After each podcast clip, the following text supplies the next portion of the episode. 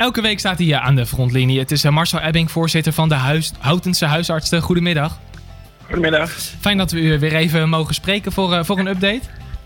Ja.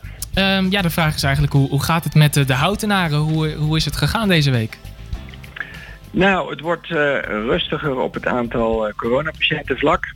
Er zijn uit mijn praktijk twee patiënten goed van de IC afgekomen. Of goed wil zeggen, ze zijn natuurlijk wel verzwakt, maar in ieder geval levend uh, weer uit het ziekenhuis zelfs ook ontslagen. Dus dat zijn positieve berichten wat mij betreft. En, spreekt u dan ook nog met die, met die mensen, zeg maar daarna, qua als ze weer eraf zijn, heeft u dan nog even nauw contact voor een aantal dagen? Of? Ja, één patiënt is naar huis ontslagen, de ander naar een revalidatiecentrum. En de patiënt die naar huis is ontslagen, die, daar heb ik wel contact mee gehad. En dan valt op hoe ernstig verzwakt uh, zij ook zijn geworden door die dagen op de intensive care aan de beademing. En dat dat een hele terugweg vereist om weer op, op krachten te komen met behulp van de fysiotherapeut en oefenen. Maar dat, daar gaan maanden overheen waarschijnlijk. Ja. Nou ken ik zelf persoonlijk ook iemand uh, in mijn nabije omgeving die net ook zo van de IC uh, afgegaan is. En hij kreeg zelf te horen van, joh, we weten niet of je ooit nog volledig zeg maar, herstelt met dezelfde nou, capaciteit, zeg maar.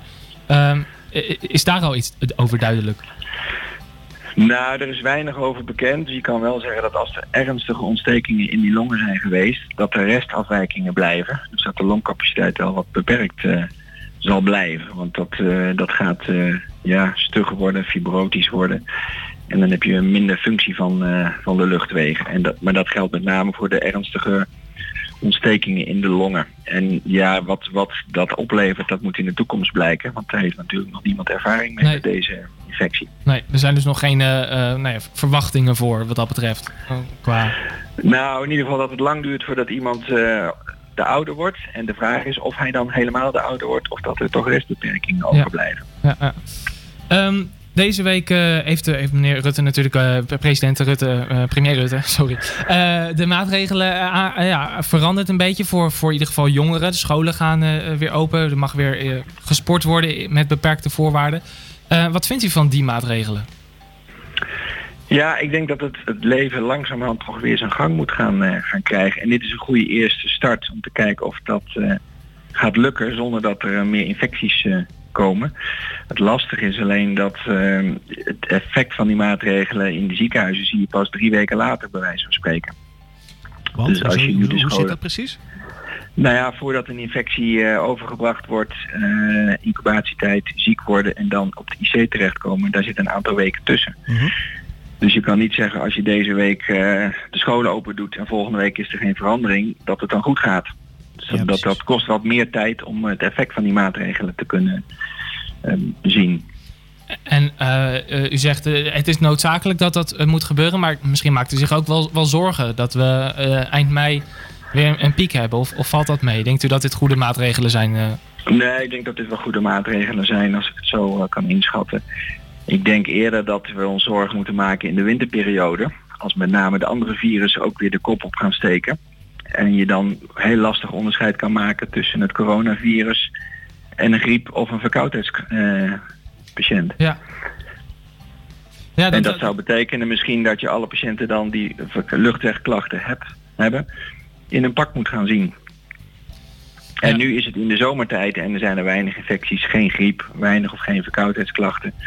Dus als je een verkoudheidsklacht of een luchtwegklacht tegenkomt, nu dan is het uh, over het algemeen gewoon corona. Daar kun je wel uh, bijna zeker van zijn. Dus dan weet je dat je het pak aan moet. En dat zijn er dus nu op dit moment niet zoveel meer. En we hebben de luchtwegpolie in, in die zin wat afgeschaald dat er straks met ingang van komende week nog maar één huisarts per dag is. In plaats van twee.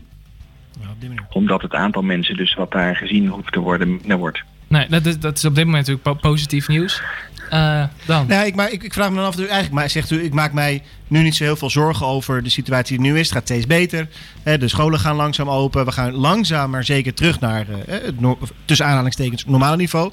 Maar waar ik me wel een beetje zorgen over maak, is dus de winterperiode. De periode waarin er ook andere virussen de kop opsteken. En dan moeten we nog maar eens zien hoe, of we misschien weer terug naar af gaan. Ja, nou, terug naar af zullen we niet gaan, denk ik. Want we zijn natuurlijk wel uh, nu voorbereid op wat er gaat komen. Ja. Maar het wordt wel lastiger, denk ik, om onderscheid te maken tussen een verkoudheid en een corona-infectie. dus we gaan, we gaan zien wat dat betekent. En de verwachting is dat er dan toch ook alweer coronavirussen de kop op gaan steken. Ja. en als, als laatste zijn er nog genoeg beschermingsmiddelen? vorige week zo, er is genoeg, maar is dat nog steeds zo? Ja, ja nee, er is nog steeds genoeg. Zowel voor de verzorging als voor de huisartsen als voor de ziekenhuizen in ieder geval. Verzorgingshuizen ik niet helemaal beeld op, maar volgens mij is daar een beetje de nadruk op gelegd de laatste week. Dus ik neem aan dat die ook voldoende beschermingsmiddelen hebben. Ik had nog één kleine vraag, meneer Ebbing. Uh, terug nog even inhakend op uh, wat u zegt over uh, de winterperiode. want dat, dat ja, houdt mij dan toch bezig. En ik vind het vervelend dat ik al de hele tijd thuis moet werken. Alleen zou dat eigenlijk, als ik uw woorden op deze manier mag interpreteren, betekenen dat dat eventueel zou betekenen dat we eigenlijk tot de hele winterperiode misschien daar overheen ook nog thuis moeten werken. Om de kwetsbaren in de samenleving te ontzien. Nee, ik denk het niet, omdat de aantallen dan toch minder massaal uh, gaan worden. Er kan dan beter getest worden en beter gekeken worden wie er thuis moet blijven en wie er gewoon naar zijn werk kan gaan. Mhm. Dus ik, dat zie ik niet zo zonder in hoor. Ik denk dat je dan weer gewoon naar je werk kan gaan in de winter. Ik hoop het, ik hoop het zo. uh, Marcel Ebbing, voorzitter van de, de Houtense Huisartsen. Dank u wel en ik wens u een prettig weekend. Ja, dankjewel en hetzelfde.